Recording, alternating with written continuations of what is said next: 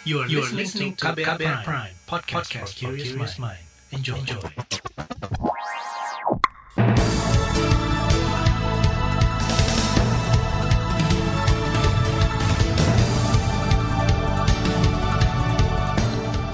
Selamat pagi saudara, senang sekali kami bisa menjumpai Anda melalui program Buletin Pagi edisi Rabu 10 November 2021. Saya Roni Sitanggang. Sejumlah informasi pilihan telah kami siapkan di antaranya, buruh minta tahun depan upah minimum naik 10 persen. Bio Farma upayakan turunkan lagi harga PCR. Kasus COVID-19 di Pulau Jawa alami tren peningkatan. Inilah Buletin Pagi selengkapnya. Terbaru di Buletin Pagi. Pemerintah tengah menggodok kebijakan upah minimum tahun depan. Kementerian Ketenagakerjaan telah menerima data lengkap dari Badan Pusat Statistik untuk mengkaji indikator penetapan upah. Di antaranya, data variabel paritas daya beli, pertumbuhan ekonomi, inflasi, tingkat penyerapan tenaga kerja, dan median upah. Dirjen Pembinaan Hubungan Industrial dan Jaminan Sosial Indah Anggoro Putri mengatakan, Perhitungan besaran upah minimum merupakan wewenang Dewan Pengupahan Provinsi. Sudah, data sudah.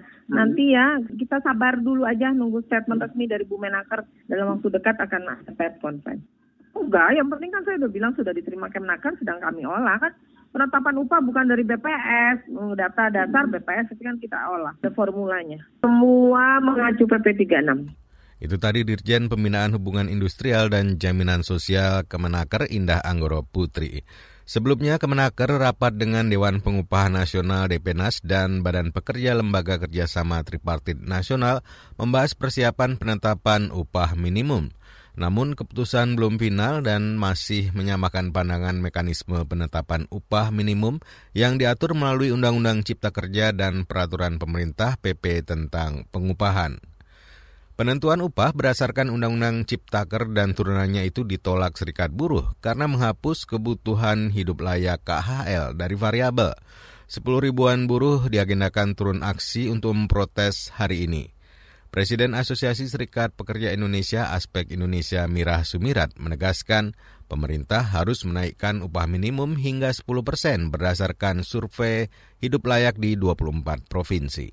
Ya, kami berpendapat uh, pemerintah harusnya menghormati proses uh, hukum yang sedang berlangsung di Mahkamah Konstitusi. Yang saat ini sedang melakukan GR yang dilakukan oleh Kon uh, Konfederasi. Jangan diterapkan dulu, jangan diimplementasikan dulu terkait dengan penetapan UMP tahun 2022 ini berdasarkan Undang-Undang Cipta Kerja karena masih belum selesai.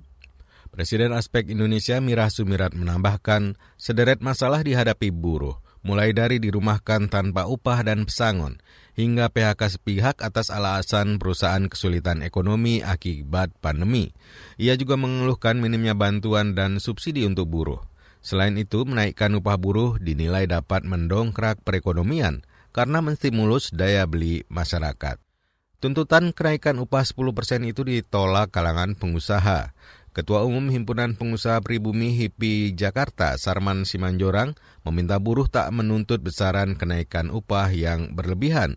Alasannya kondisi ekonomi masih merangkak naik, namun masih diliputi ketidakpastian. Kalau teman-teman kita meminta katakanlah kenaikan UMP dalam kondisi seperti ini sangat-sangat tidak sangat-sangat tidak bijak eh, teman-teman kita serikat pekerja uh, menuntut UMP yang uh, berlebihan gitu. Nah, nah jadi di tengah ketidakpastian seperti ini, menurut hemat kami ya teman-teman serikat pekerja juga harus ngerem juga dari sisi tuntutannya gitu loh. Jangan terlalu berlebihan dalam kondisi seperti ini. Ketua HIPI Jakarta Sarman Simanjorang menegaskan dasar perhitungan upah sudah berubah tanpa memperhitungkan KHL.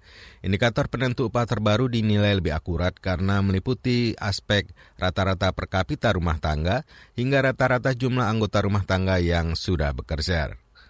Menurut Direktur Center of Law and Economic Studies Selios, Bima Yudhistira, aturan pengupahan terbaru dalam Undang-Undang Ciptaker hanya menguntungkan pengusaha. Dia menegaskan jika upah buruh layak, maka akan memulihkan konsumsi rumah tangga dan pertumbuhan ekonomi. Karena kalau buruh kenaikan upahnya di bawah laju inflasi pada tahun 2022, maka daya beli para buruh ataupun kelas menengah pekerja ini akan relatif rendah sekali. Kemudian kenapa perlu ada kenaikan upah minimum dan itu harus di atas level yang layak sebenarnya kisaran 8 persen karena di satu sisi upah minimum ini dijadikan jaring pengaman bagi para pekerja di tahun-tahun awal, yaitu para pekerja yang baru masuk dunia kerja. Direktur Selios Bima Yudhistira mengatakan pertumbuhan ekonomi di kuartal 3 tahun ini sudah positif. Terlebih industri manufaktur mencatat rekor ekspansi di level 57. Selain itu terjadi kenaikan harga kebutuhan masyarakat, misalnya harga pangan, bahan bakar minyak, hingga tarif listrik yang dapat memicu kenaikan harga lainnya. Bima menegaskan, jika pemerintah tidak menaikkan upah minimum tahun depan sekitar 8 persen, maka jejaring pengaman sosial akan sangat rawan. Saudara Bio Farma mengupayakan untuk menurunkan lagi harga tes PCR. Informasi selengkapnya hadir saat lagi, tetaplah di Buletin Pagi KBR. You're listening to KBR Pride, podcast for curious mind. Enjoy!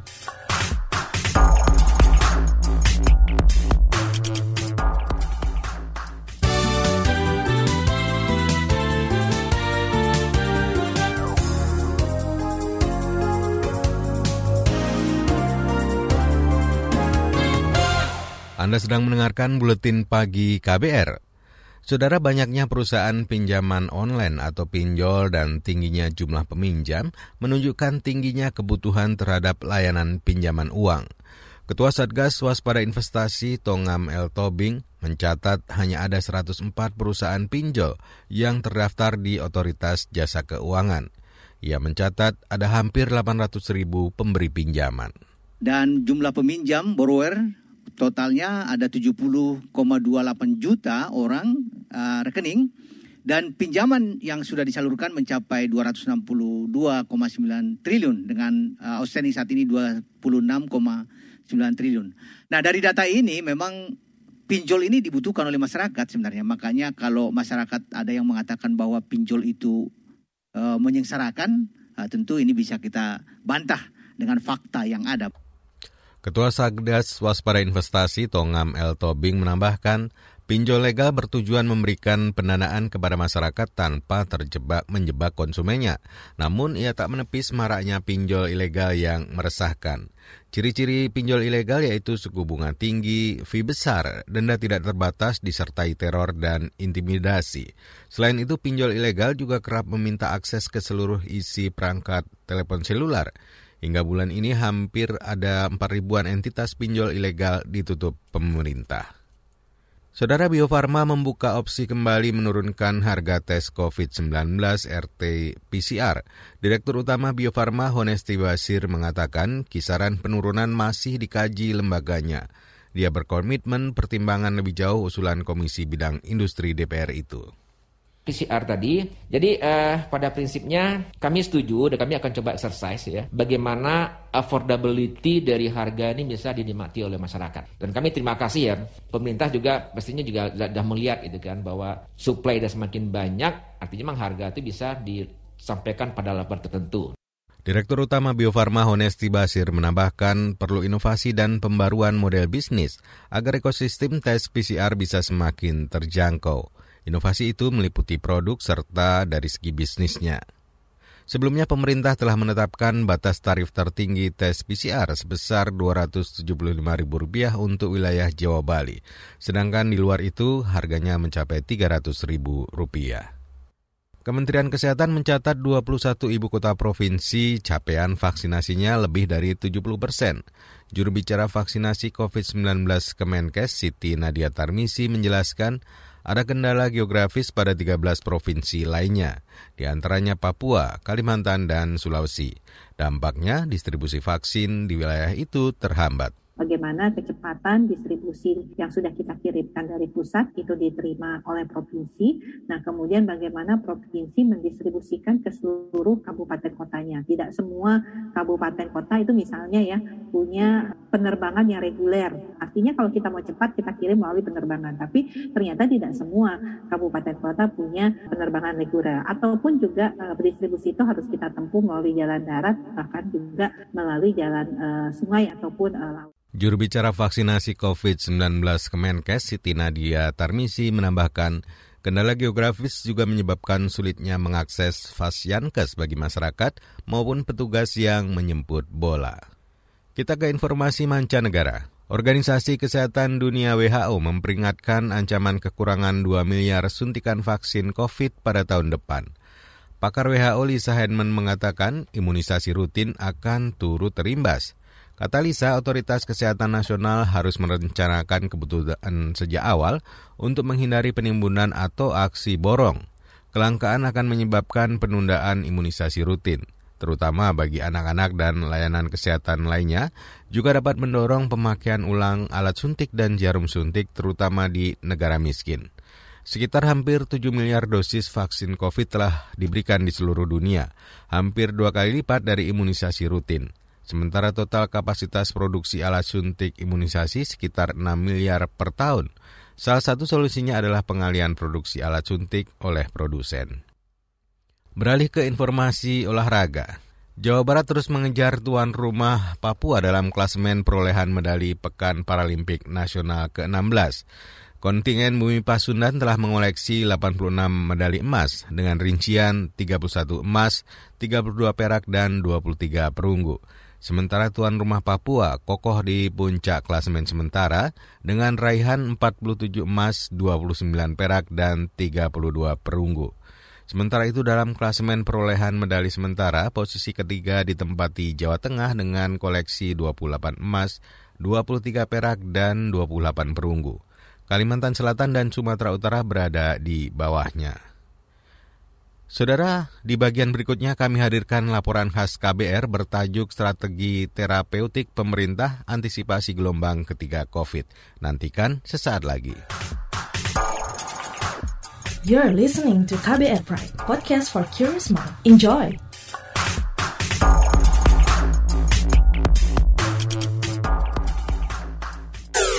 Commercial break. Psikolog Tiffany Chandra menjelaskan ciri-ciri orang tua toksik karena ini kan toksik dan tidak toksik agak susah ya yeah. bagi kita untuk membedakan terutama di budaya kita. Yang nggak boleh tuh kayak melawan orang tua. Memang kita yeah, tuh yeah. dari kecil dibiasakan orang tua selalu benar. Memang kita udah terima itu sebagai suatu fakta. Betul, nah sulitnya bagi kita membedakan itu sehingga kebanyakan yang punya orang tua toksik tapi nggak sadar bahwa secara emosional mereka sudah di abuse karena mereka taunya memang yang namanya orang tua ya kayak gitu selalu benar. Yang salah pasti anaknya. Itu yang dikhawatirkan nanti nanti nanti pasti pembelaannya ya kalau mama atau papa nggak sayang sama kamu nggak mungkin lah kamu disekolahin nggak mungkin lah dibeliin macem-macem gitu hmm. padahal mungkin secara emosional mereka memang mendapatkan abuse simak lengkapnya dalam podcast Disco Diskusi Psikologi episode menghadapi orang tua yang toksik di kbrprime.id atau platform mendengarkan podcast lainnya.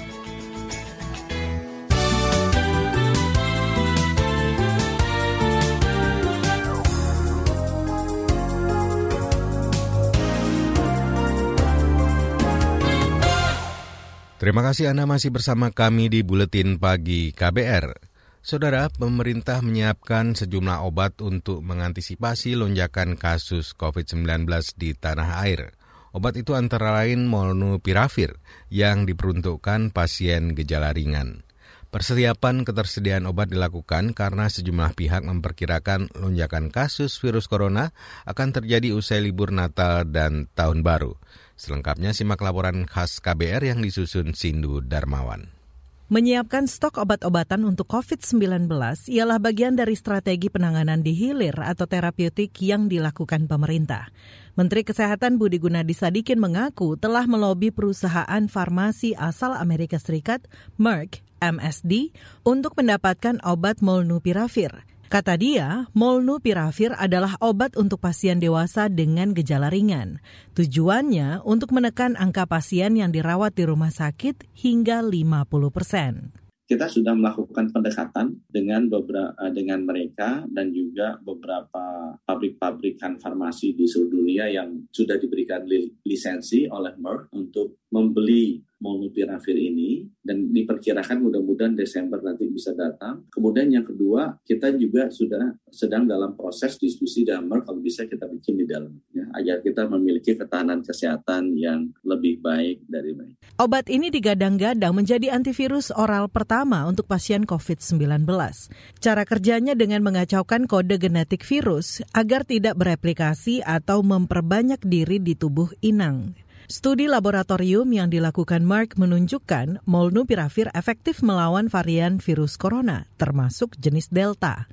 Hasil penelitian itu menyebut obat tersebut paling mujarab bila diberikan pada tahap awal infeksi. Menteri Koordinator Bidang Kemaritiman dan Investasi Luhut Binsar Panjaitan mengatakan, untuk sementara ini pemerintah memesan 600 ribu hingga 1 juta tablet molnupiravir. Harganya sekira 40 hingga 50 dolar Amerika atau 500 hingga 700-an ribu rupiah. Obat ini diperkirakan datang bulan depan. Pemerintah mengklaim harga molnupiravir tergolong murah karena membutuhkan kurang dari 1 juta rupiah untuk pengobatan satu pasien COVID-19 hingga sembuh. Saat ini tim uh, uh, Pak Menteri Kesehatan dan Kemenko Marves sedang melakukan follow up yang terkait dalam hal ini. Sampai saat ini saya kira respons dari Merck dan Pfizer sangat baik merespon usulan kita. Negosiasi dengan Merck sudah dilakukan dan mereka sangat terbuka untuk memberikan lisensi produksi Malnupiravir di Indonesia. Dan bukan hanya Malnupiravir, juga kita bicara kepada macam-macam obat lainnya yang bisa diproduksi di Indonesia. Badan Pengawas Obat dan Makanan BPOM akan segera menyetujui penggunaan obat terapi COVID-19 Molnupiravir. Kepala Badan POM Penny Lukito mengatakan, Molnupiravir tengah menjalani uji klinik dan berproses mendapatkan registrasi di tanah air. Tentunya kita bergembira adanya obat COVID-19 molnupiravir dan tentunya ke depan kesempatan untuk kita bisa juga uh, melakukan produksi sendiri. Badan POM juga sudah dihubungi oleh beberapa yang sudah mendapat menjadi fasilitas produksi yaitu dari India salah satunya yang akan mendaftarkan untuk uh, molnupiravir ini. Selain molnupiravir, stok obat terapi COVID-19 jenis lain juga masih tersedia, antara lain remdesivir 100 mg, oseltamivir, favipiravir, dan ivermectin. Direktur Utama Bio Farma, Honesti Basir mengklaim stok obat terapi COVID-19 cukup untuk mengantisipasi lonjakan kasus pada Natal dan Tahun Baru untuk ketersediaan obat terapi COVID karena memang kita juga harus mengantisipasi seperti yang disampaikan Pak Menkes tadi, seandainya nanti Nataru itu ada lonjakan, sehingga kami juga sudah menyiapkan uh, stok obat untuk yang digunakan selama ini untuk penanganan COVID-19. Honesti mengatakan, hingga November 2021, stok obat utama yang telah disiapkan yakni untuk Favipiravir cukup untuk 330 ribu pasien. Remdesivir tersedia untuk 21 ribu pasien, oseltamivir untuk 1,2 juta pasien, dan ivermectin cukup untuk lebih 600 ribu pasien. Berdasarkan data Satgas COVID-19 per kemarin, total kasus virus corona di Indonesia mencapai lebih dari 4,2 juta orang. Dari jumlah itu, 4 jutaan orang sembuh dan lebih 143 ribu orang meninggal. Demikian laporan khas KBR, saya Aika Renata. Saudara, informasi dari berbagai daerah akan kami hadirkan usai jeda berikut ini. You're listening to KBR Pride, podcast for curious mind. Enjoy!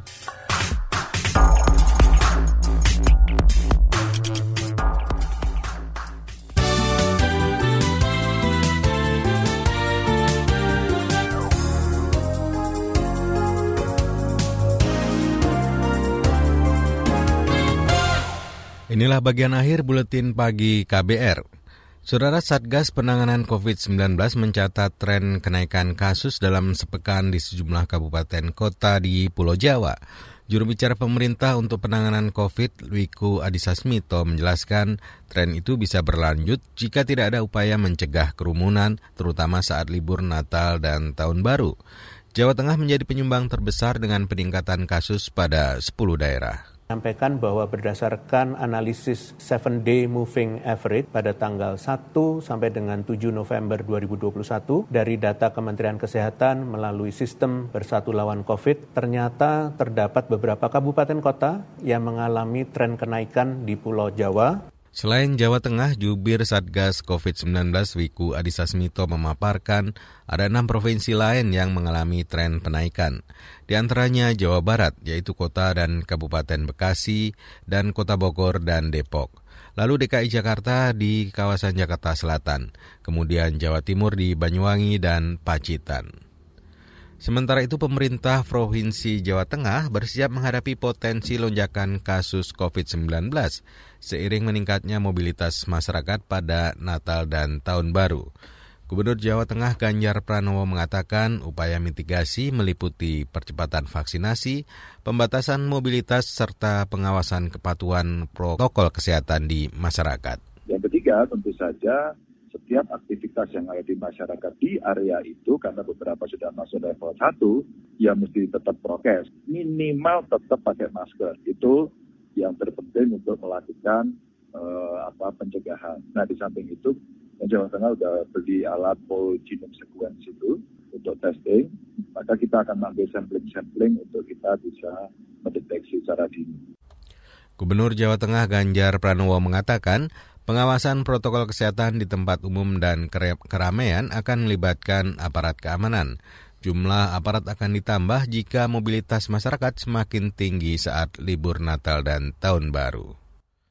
Badan Penanggulangan Bencana Daerah BPBD Kabupaten Cilacap, Jawa Tengah mengusulkan agar Badan Geologi mengkaji kondisi permukiman di Desa Dayah Luhur, Kecamatan Dayah Luhur, Kabupaten Cilacap.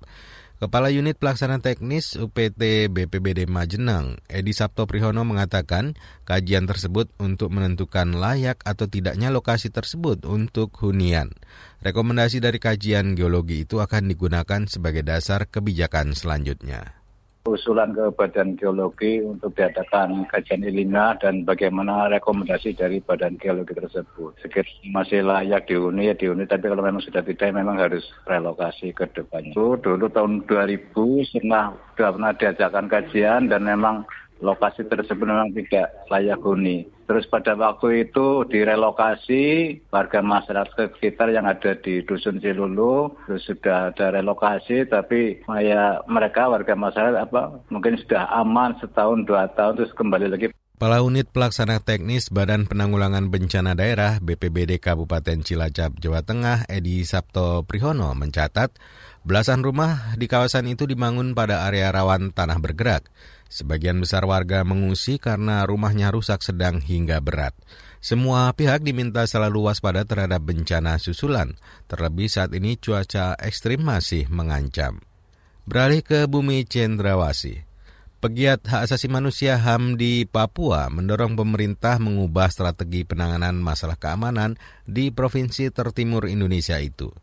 Direktur Eksekutif Yayasan Keadilan Theo Hasegem menilai pendekatan keamanan dengan mengirimkan pasukan TNI Polri sudah tak efektif. Cara itu dianggap tidak meredam konflik bersenjata antara aparat keamanan dan kelompok bersenjata menurut saya itu sebenarnya kebijakan yang salah, kebijakan pemerintah itu salah. Jadi dan kemudian mereka terus mengirim pasukan, pasukan, pasukan ke Papua. Namun masalahnya belum pernah selesai. Harus ada solusi-solusi penyelesaian konflik di Papua. Korban yang dialami sekarang itu bukan hanya korban orang asli Papua, warga non Papua juga korban. Direktur Eksekutif Yayasan Keadilan Theo Hasegem berpandangan, selama ini pemerintah seolah mengabaikan desakan penarikan pasukan keamanan di bumi cendrawasih. Pemerintah justru berdalih melakukan operasi penegakan hukum. Karena itu pemerintah didorong berdialog dengan warga Papua untuk mengatasi permasalahan berlapis di daerah tersebut. Saudara informasi tadi menutup jumpa kita di Buletin Pagi hari ini. Pantau juga informasi terbaru melalui kabar baru di situs kbr.id, di Twitter kami di akun @beritaKBR serta podcast di alamat kbrprime.id. Akhirnya saya Roni Sitanggang bersama tim yang bertugas undur diri. Salam.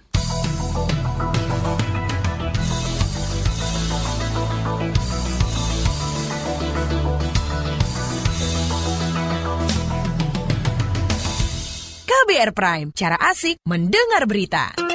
KBR Prime, podcast for curious mind.